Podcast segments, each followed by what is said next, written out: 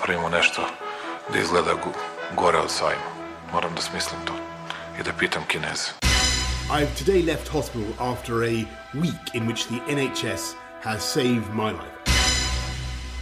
To se žena tiče, vi slobodno shopping. U Italiju čujem da će sada bude veliki popusti, će tamo da budu, pošto niko živi neće dođe, ali tako, u Italiju. Dobro večer. Mene su poslali iz štaba. Ja ću vam pomoći. Gde si, Zoki? Radio Karantin Marija Belić-Bibin Jelena Viser Aleksandar Kocić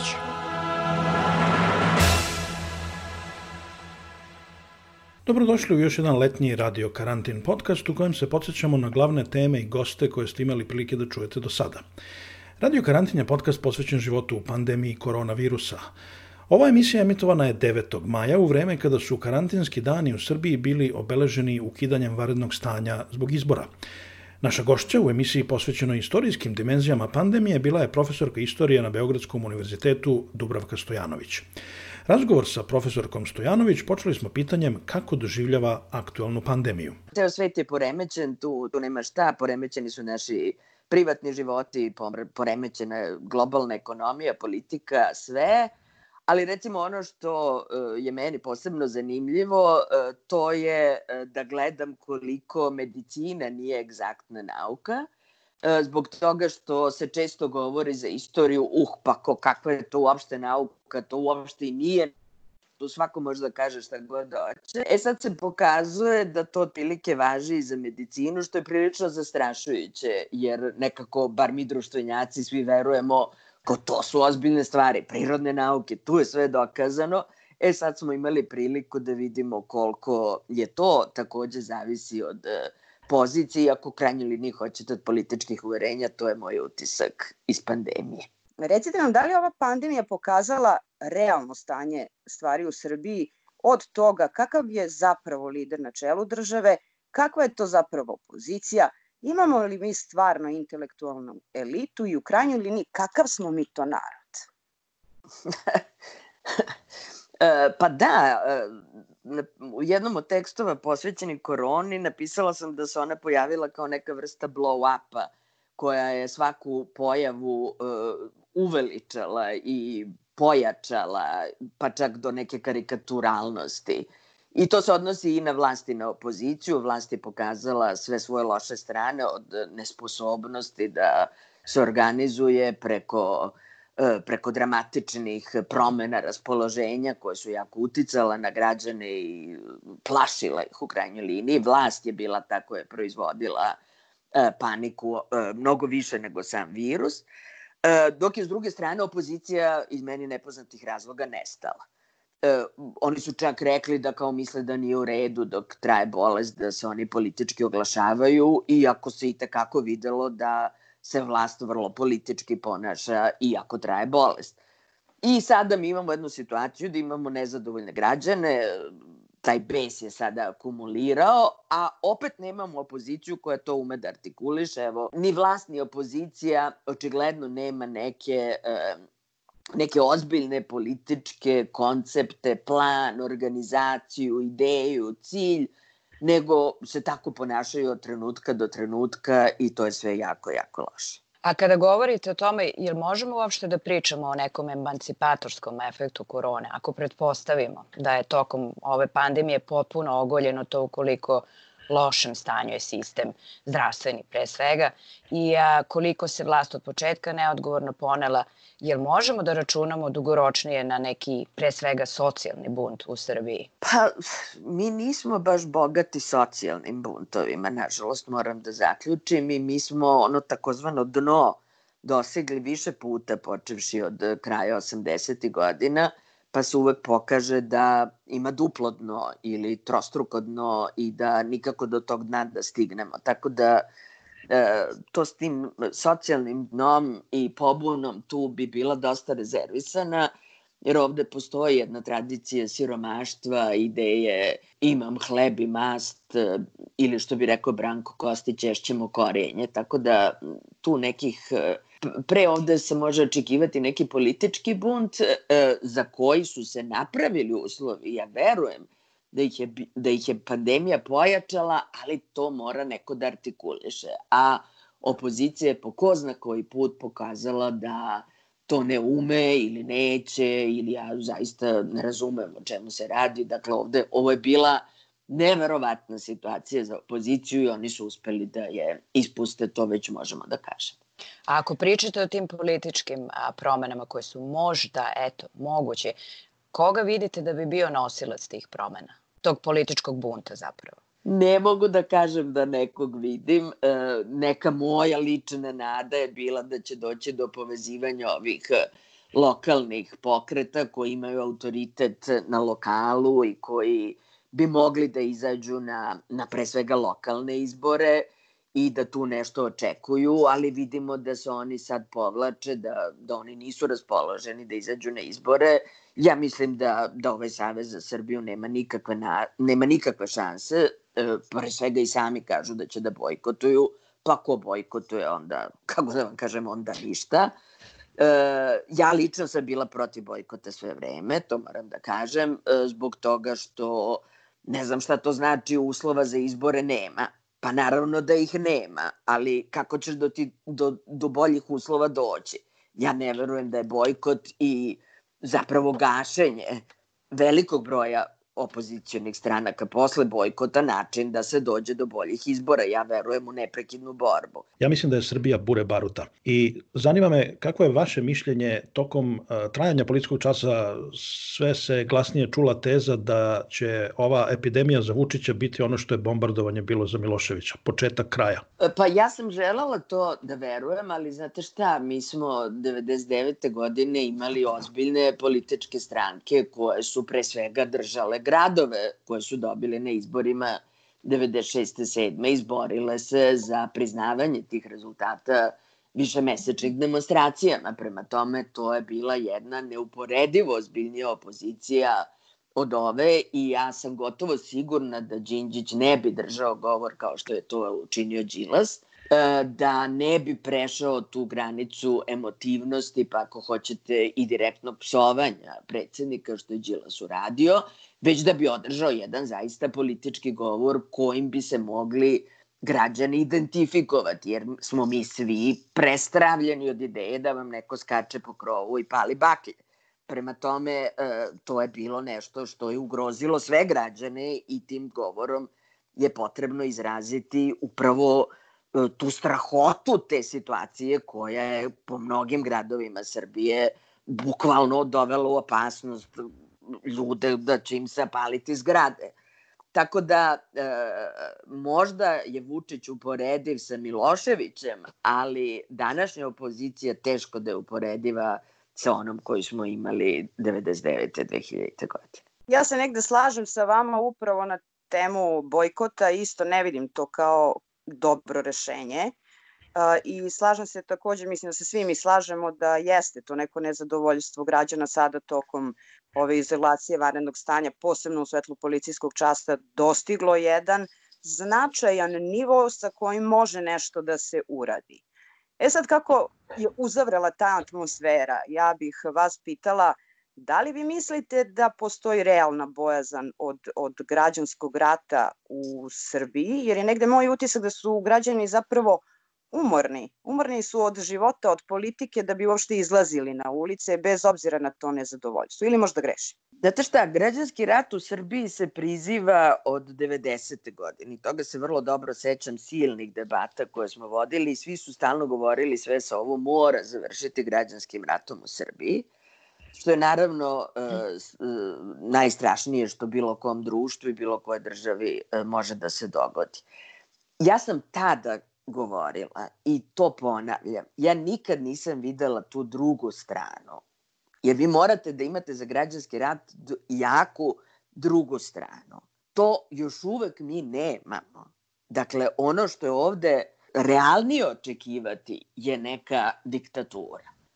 Ozbiljna diktatura. Dakle, ovo su do sad sve uh, razne razni autoritarni oblici vlasti sa medijima, intelektualcima, pretnje i tako dalje. To je sve autoritarno. Dakle, Ono što je meni ovde nekako ima više elemenata e, za budućnost je neka diktatura iz koje onda može da proistekne neki budući gnevi, pobune i tako dalje, to, to ne možemo da govorimo. Ali ja ne vidim snagu te druge strane koja bi koja bi predstavljala taj građanski rat. Moj utisak je da će do građanskog rata zapravo doći kada režim počne da pada, a ne da će građanski rat dovesti do pada režima. I pod tim nekim sukobom, građanskim ratom, možda je to prejaka reč, podrazumevam uh, moju prognozu da će uh, doći do uh, fizičkih obračuna u Srbiji onda kada ove uh, gomile uplašenih ljudi počnu da se oslobađaju straha. Kada vide da više ne moraju da se boje svojih komšija koje su u stranci, da ne moraju da razmišljaju da li će sutra ostati bez posla i da će oni krenuti da se svete. I praktično da ćemo videti ono što je uh, ovaj sociolog Bakić zagovarao, jurićemo ih motkama po ulicama. To je moguće, naravno, ali to uh, je takođe jedna strašna predikcija. Biće naravno dobro da padne režim, ali kod nas svaki put pada režim na taj način. I to je ono što je strašno. Dakle, to znači svaki put da krećemo od nule, to znači svaki put da e, nove vlasti zaslužne za takozvano oslobađanje moraju da se naplate. To znači svaki put nove prvoborce, e, nove porodice koje moraju da se snabdeju. Dakle, a to je nešto što mi pratimo ovde od 90. godina 19. veka, da se razumemo sa dolaskom radikala Nikole Pašića na vlast postojala je ta velika kampanja koja je trajala nekoliko godina koja, zva, e, koja se zvala Veliki narodni odisaj. Dakle, to je bukvalno ono krici i jauci kao u politici što je, što je bilo e, u odjecima i reagovanjima. Oni su počeli s tim i upravo su jurili motkama prethodne naprednjake, jahali ih, čupali brkove, palili im kuće. Dakle, to je ovde jedna, jedna konstanta, ne zato što je to naša sudbina, nikako, nego zato što e, dozvolimo da vlasti stignu do samog kraja na koje onda, posle kog kraja onda kreće ova osveta o kojoj vi govorite. Dakle, mi sami dopustimo vlastima, mi ne pružamo otpor, kada autoritarnost krene. Mi ne štitimo institucije, medije ili pojedince kad postanu ugroženi. Ne, mi prepustimo to do kraja, e onda se mi pobunimo, onda sve srušimo i ajmo ground zero. Dakle, e, s takvom istorijom teško da možete da postignete ozbiljne rezultate. I, I onda tu još imamo i paradoks da u stvari uh, aktuelni diktator je jedini koji je došao uh, mirnim putem na demokratskim izborima na vlast. Otprilike to možemo da zaključimo. Da, kao što možemo da zaključimo i da je Toma Nikolić bio jedini ustavni predsednik ove zemlje. Po svemu. Dakle, on je i izašao iz stranke i on je mirno otišao s vlasti. Dakle, eto šta da vam kažem o toj zemlji. A ili imate bar neku teoriju zašto je to tako? Ako kažete nije nam to sudbina, A, I nismo ni preterano tolerantno društvo, pa eto kao sad puštamo ljude da rade kako misle da treba. Zašto? Zašto se uvek tako ide do kraja, negde do krajnosti, pa se iz te krajnosti onda vuče nešto? Pa imam teoriju, naravno da imam teoriju. Teorija je da je društvo slabo, odnosno da iz mnogih razloga u koje spadaju i spoljno-politički razlozi, naravno, e, društvo nikada nije imalo vremena da sazre do one mere da imamo nezavisne društvene slojeve. Jer ako pogledate, mi nikada u istoriji nismo imali nezavisne društvene slojeve. Dakle, mi nikada nismo imali ozbiljne industrijalce koji ne zavise od države ovde smo imali neku sitnu industriju u raznim fazama, osim naravno socijalizma, ali to je opet bilo državno, neku sitnu industriju koja je potpuno zavisila od dila sa državom, to je sa vladajućom strankom. Mi nismo imali čak ni veliki zemljišni posed, pa da kažete imate, ne znam, latifundije. Ne, ni to nismo imali. Imali smo sitni zemljišni posed. Dakle, e, intelektualci nisu bili ni na koji način nezavisni, uvek su živeli od državne plate. Prema tome, vi nemate nezavisnih društvenih slojeva koji imaju snagu da ograničavaju državu. To je njihova funkcija u razvijenim zemljama. Mi to prosto nismo imali, nego svaki društveni sloj koji je još po defaultu i relativno siromašan, čim se pojavi nova garnitura na vlasti, gleda da napravi deal. I na taj način mi uvek dobijemo partijsku državu, dakle opet ne zbog sudbine, nego zbog interesa društva da se preko vladajuće stranke bolje plasira dobije kredite povoljnije, dobije državne subvencije, dobije sve što je potrebno i napravite iznutra partijsku državu. I to su, nažalost, napravile vlasti i posle 2000. godine. Dakle, strukturalno vi stignete do partijske države, jer preko vladajuće stranke vi ostvarujete ono što u normalnim državama ostvarujete na tržištu. Dakle, mi nemamo ni tržište. Prema tome, zbog slabosti društva ne pruži se otpor autokratiji, jer ta autokratija u stvari odgovara mnogima kojima je to i ekonomski interes i svaka druga vrsta interesa. Znači, mi govorimo o racionalnom ponašanju, ne o, o nekim ludacima. Tome je problem. Jelena Viser Marija Belić-Bibin Aleksandar Kocić Radio Karantin Nacionalistička retorika na Balkanu je tokom pandemije utihnula. Hoće li posle pandemije političke elite u regionu nastaviti da huškaju narod u tom smislu ili će možda ona imati a, efekat afirmacije ideje da bi prioriteti zaista trebalo da budu borba protiv korupcije, ekonomski oporavak i međusobna ekonomska saradnja i generalno preuzimanje društvene odgovornosti. Dubravka, šta vi očekujete od Evropske unije? Pa ja ne znam više šta da očekujem od Evropske unije. E, ja razumem Evropsku uniju da ona ne zna šta s nama da radi, kao što ne zna šta da radi sa Mađarskom ili sa Poljskom. To mi je potpuno jasno. E, jasno mi je da Evropska unija i sama traži puteve e, kako da se reformiše i kako da sobstvene odnose uredi, ali kad kažem da ne znam i da sam razočarana, to je da Evropska unija za sve ove godine nije shvatila koliko je užasno opasno da u sred svog tela, da tako kažem, gaji ove e, sukobljene državice i na taj način drži otvorena vrata e, spoljnopolitičkim uticajima onih koji su po defaultu neprijatelji Evropske unije, koji žele kraj Evropske unije, a to su i Rusija, i Kina, i Turska, i Saudijska Arabija, pa sad, boga mi, i Sjedinjene američke države. Prema tome, tu vrstu kratkovidosti ja zaista ne mogu da razumem i ne mogu da razumem da za sve ove godine, a bar poslednjih 20 godina, Evropska unija nije uspela da izmisli neki mehanizam, neko novo diplomatsko ime koje ne bi bilo proširenje, ne bi bilo ni puno članstvo, ali bi bio neki appendix, nešto što se sigurno može nazvati nekim nekim od imena e, da ovih nekoliko zemljica i tih e, jedno 15 miliona ljudi koji nisu ništa za Evropsku uniju nekako sebi približi i drži bliže nego što deli te milione koji upadaju u, u, u neku vreću bez dna. To je ono što je NATO zvao partnerstvo za mir. To je bilo predsoblje za ulazak u NATO, ali na tako nešto mislite? Pa tako nešto, da. Da, ne, neka vrsta asocijacije u koju bi e, u koju bi te zemlje ušle, pa bi se onda postavljali ovi zahtevi koji jesu ispravni, naravno, i ove, kako se to danas zove, poglavlja, pa polako od poglavlja do poglavlja, ali neka vrsta čvršće veze, zato što su oni svojim ponašanjem dali e, sve argumente e, evroskepticima u Srbiji. Ja više nemam šta njima da odgovorim, jer oni od početka govore i onako nas nikad neće primiti. A ja stalno i mi svi, svi stalno govorimo ma oće, oće, nego evo samo da uradimo ovo ili ono. I onda na kraju ispadnu evroskeptici u pravu i sad mi možemo kažemo ma oni ne stvarno nikada neće primiti. Dakle, davanje argumenta tim antievropskim snagama uh, je prosto nedovoljno mudro da se blago izrazi.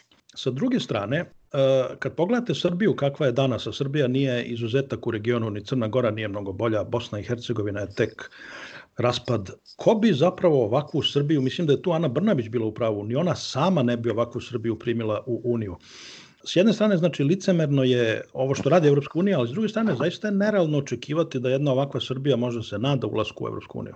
Ja se potpuno slažem, ja kažem, ja, ja ne bi Srbiju ni na rođendan pozvala, mislim, potpuno se ja slažem s tom ocenom i nikog drugog iz ove ekipe, ali to nije kako da vam kažem, to nije stvar dugoročne politike, takvo razmišljanje. Stvar dugoročne politike, kažete, čekajte, mi smo ostavili jedno od ključnih područja strateških, otvorenim za protivnike Evropske unije da, da preko toga vršljaju dalje.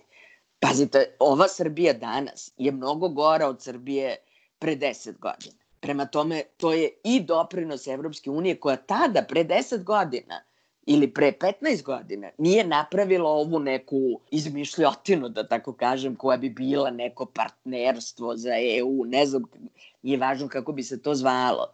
Ali čekajte, oni su primili i potpuno nespremnu Bugarsku i Rumuniju zbog strateških interesa odbrane od Rusije. I, boga mi, Rumunija se sasvim pristojno vlada. Naravno da ima ozbiljne probleme i sa korupcijom i tako dalje, ali recimo ekonomski oni su se vrlo lepo tu snašli. To nije tačno da Evropska unija tim članstvom ne bi poboljšala tu Srbiju, Makedoniju, Bosnu i Hercegovinu i tako dalje.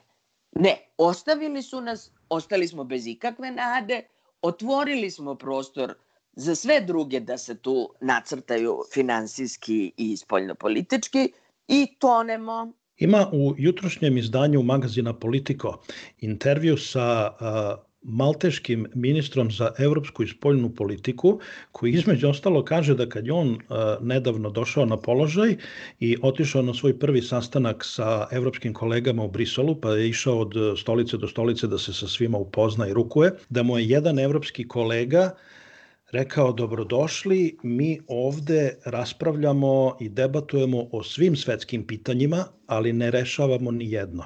Zato što je spoljna politika u suštini u nadležnosti e, zemalja članica, a sama Evropska unija praktično nema e, ingerencije da rešava bilo koja e, međunarodna pitanja. I ja mislim da to na najbolji, najjednostavniji, najplastičniji način pokazuje da su možda zaista naša očekivanja od Evropske unije malo nerealna, da ipak treba gađati zemlje članice pojedinačno. Pa dobro, treba raditi, što bi se reklo, na svim frontovima. Jedno ne isključuje drugo. U krajnjoj liniji oni su poslali e, Freder, Federico Mogherini da posreduje između Beograda i Prištine, što su onda poslali tako slabu e, fotelju, da tako kažem, da, da radi taj važan posao i da se izgubi još deset godina. Prema tome, e, ili su je poslali baš da se ništa ne bi rešilo, ja ne znam šta da zaključim. Radi održavanja privida? Pa da pa onda ništa, onda će im se taj privid e, vrlo brutalno vratiti.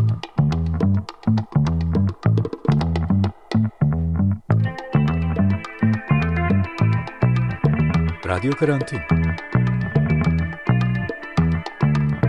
Dubravka, da li vi mislite da može zbog ove trke oko vakcine da dođe do nekog novog rata sa vidljivim neprijateljima i da li se nama sada iz vaše perspektive dešavaju neke istorijske promene odnosa snaga na svetskom nivou? Te promene snaga na svetskom nivou dešavaju se već duže vreme i e, ono što mi ne znamo to je kakav je uopšte svet u kome mi živimo.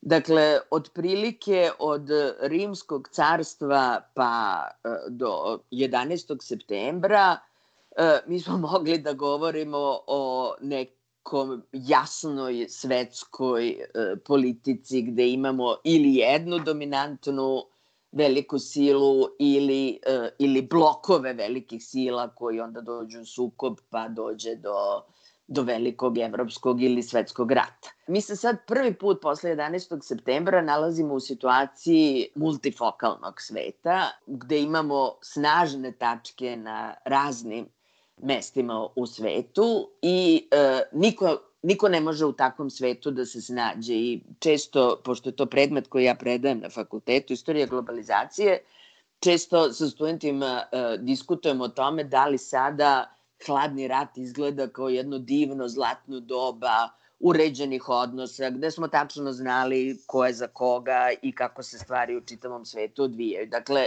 Mi to sad ne znamo, postoje mnogi vakumi, to je uvek jako opasno. U te vakume hitaju da utrče nove velike sile, počeš pre svega naravno Kina, ali tu je i Saudijska Arabija, tu je možda i Brazil, tu je Turska. Dakle, mi imamo e, te nove neke džepove e, nastale posle raspada ne samo e, bifokalnog sveta posle hladnog rata, nego i posle gubitka američke moći e, posle 11. septembra, tako da mi živimo u jednom haotičnom svetu i ostaje samo da se s mnogo optimizma nadamo da će to značiti jedan demokratski, pluralni svet i da to neće značiti početak nekih beskonačnih ratova koji zbog te neuređenosti neće imati ko da završi. Vakcina će najverovatnije pa, prva napraviti neka od bogatih zemalja, osim ako nas ministar Lončar sve ne iznenadi umeđu vremenu.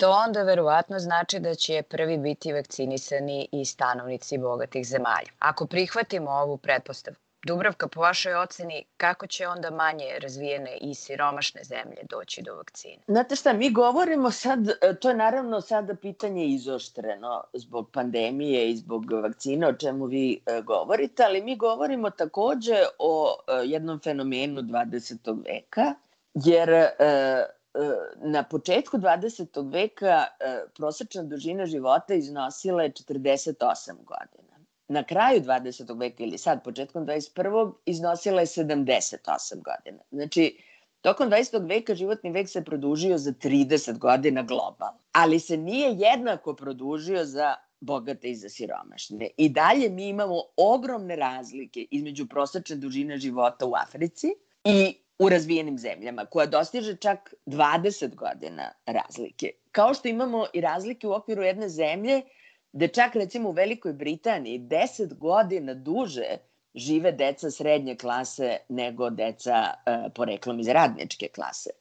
Tako da to su stvari o kojima se redko govori, a koje su e, direktna posledica napuštanja koncepta socijalne države i e, prelaska na minimalnu neoliberalnu državu koja smatra da je zdravlje njenih građana njihova privatna stvar. I e, to će se sada jako zaoštriti sa ovom krizom i pitanje je da li će svet, pa da li će razvijene zemlje umeti da daju novi odgovor, koji nisu umele da daju na krizu 2008. godine, nego su zadržale i mere štednje i minimalnu državu, jako je bilo jasno da su krahirali. Dakle, da li će sada uspeti da daju jedan novi odgovor, koji će potencijalno svet odvesti u novo zlatno doba kako smo imali recimo posle drugog svetskog rata ili će ostati na svom starom odgovoru što će biti znak da smo u još dubljoj krizi nego što mislimo, odnosno da smo u krizi gde